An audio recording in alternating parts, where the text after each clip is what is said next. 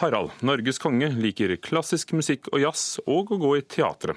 Dette bekrefter biografen hans altså, men vi tok aller først turen til Nationaltheatret og selveste kongelosjen. Nei, Man må lene seg godt ut for å, se, for å få sett hele scenen. Det må man gjøre. Skuespiller Kai Remlov kikker over kanten på kongelosjen på Nationaltheatret i Oslo. Fra heidersplassen til de kongelige ser en bare halve scenen. Ikke særlig praktisk når en skal se ei teaterframsyning, men publikumsansvarlig Anita Granheim har ei forklaring. Kongelosjen er jo ikke bygd for at de skal se så godt, den er bygd for at de skal bli sett. Her kan de jo se at de har god utsikt over hele salen, de kongelige, når de er her. Og selvfølgelig, eh, når de kommer inn og alle har satt seg, for da skal man altså komme et kvarter før, det står i avisen hvis de kongelige kommer, så må folk reise seg og, og stå til de har satt seg, da. Det er bare ved offisielle statsbesøk at kongen og dronninga pleier sitte i kongelosjen. Ved andre høve sitter jeg blant publikum. Fordi de er genuint interessert i teater, og da har de selvfølgelig lyst til å se forestillingen eh, på en ordentlig måte. eh, Og da velger de å sitte i salen. Så har jeg også følelsen at de velger det for ikke å være altfor synlige til enhver tid. At de også har lyst til å gå i teater uten at nå kommer kongen og dronningen. Dronning Sonja er kjent som kulturdronninga, men også kongen er interessert i kultur. Han er til dømes beskytter av Festspillene i Bergen og Bergenharmonien. På Nationaltheatret har de kongelige et eget rom der de kan slappe av i pausene. Dette er en salong hvor de kongelige oppholder seg under, i pausene under forestillingene. Hvor de også får en lite glass hvitvin, vil jeg tro. og Kanskje en liten snitte under pausen. Og så treffer de ofte noen av oss som er med i, i forestillingen. Jeg har vært her og møtt dem en gang da vi spilte Brann. Da ble jeg og Kjersti Holmen og Sverre Anker Hausdal invitert opp hit. Snakket med dem. Hvordan var det, da? Veldig hyggelig. De er jo grepa folk. Så det var ikke noe komplisert. Hva syns du om forestillingen, da? Ja, Dette er jo da lenge siden, det er jo snart 20 år siden. Men jeg syns jeg husker at de syntes det var fint, ja. I hvert fall sa de det. Kongelosjen har stor symbolsk verdi. Særlig hadde den det under krigen. Nei, Vi har en fin historie som jeg fikk høre fra vår intendant, som eh, nå dessverre har gått bort.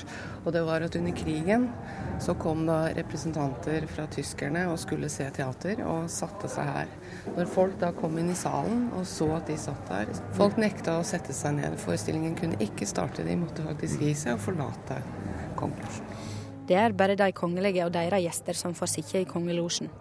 Ellers står den ubrukt. Om teatret skal bruke losjen som en del av ei framsyning, må de spørre hoffet om lov. Men det får de som regel.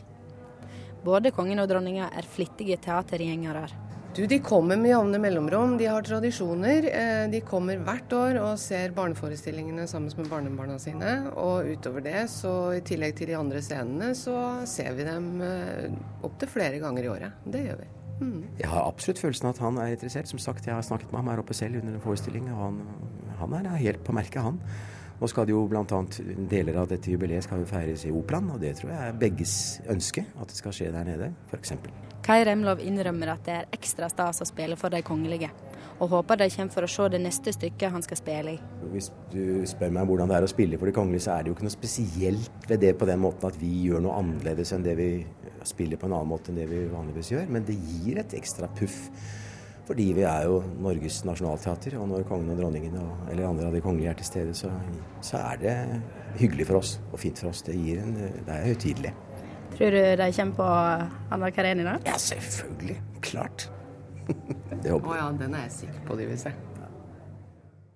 Og det var reporter Agnes Bremere som hadde møtt eh, skuespiller Kai Remlov i eh, kongelosjen på Nationaltheatret.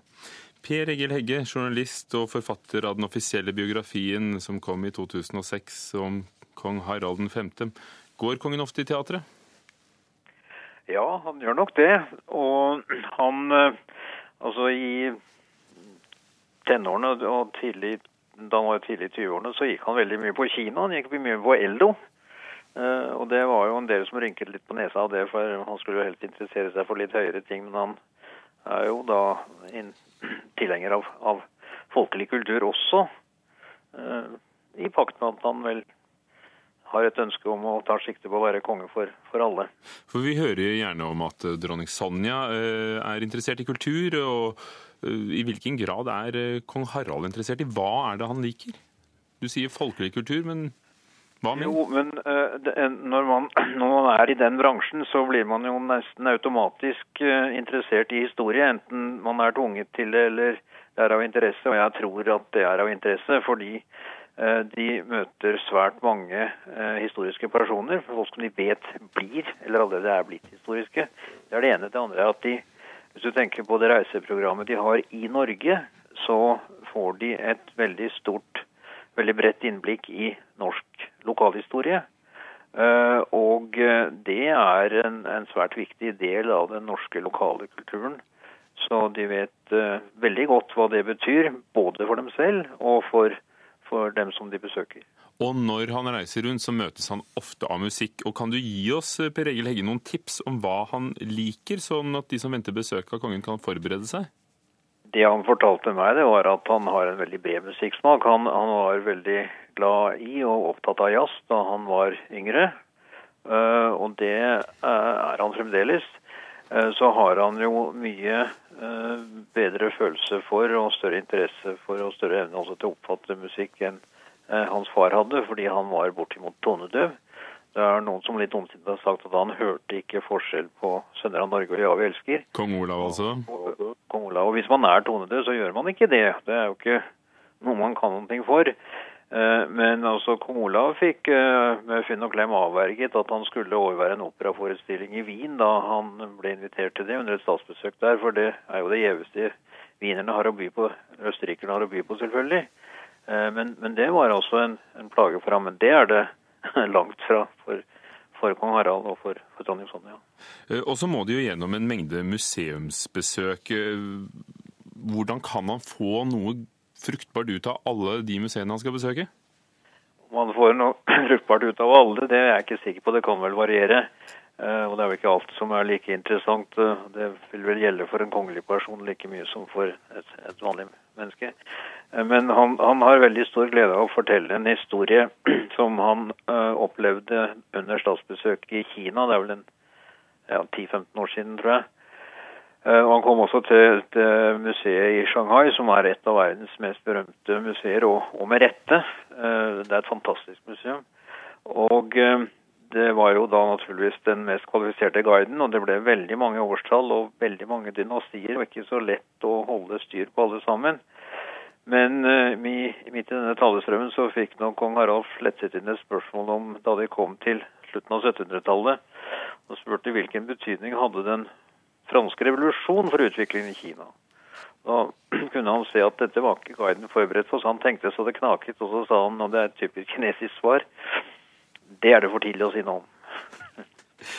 Per Egil Hegge, eh, du nevnte opera, og vi hørte i reportasjen fra Nationaltheatret at det er godt forberedt når eh, kongen eller kongen og dronningen kommer på besøk. Men eh, i Danmark der kan dronning Margrethe plutselig finne på å stikke innom operaen. Så reiser folk seg, og så sitter hun ned på kongelosjen, og så sitter resten ned. Men er det norske kongehuset mindre spontane enn dronning Margrethe? Nei, det, jeg tror heller de er mer spontane enn henne. For hun har altså oppholdshygienetagelig, men man, når man treffer henne, så merker man at hun er litt mer aristokratisk i hele legningen og hele holdningen. Ikke sånn at det sjenerer, men det er, det, er, eh, det er, et monarki som har holdt det gående i over 1000 år, det eneste i, Europa som har det. Og, og det, det syns jeg, jeg nok det merkes på henne.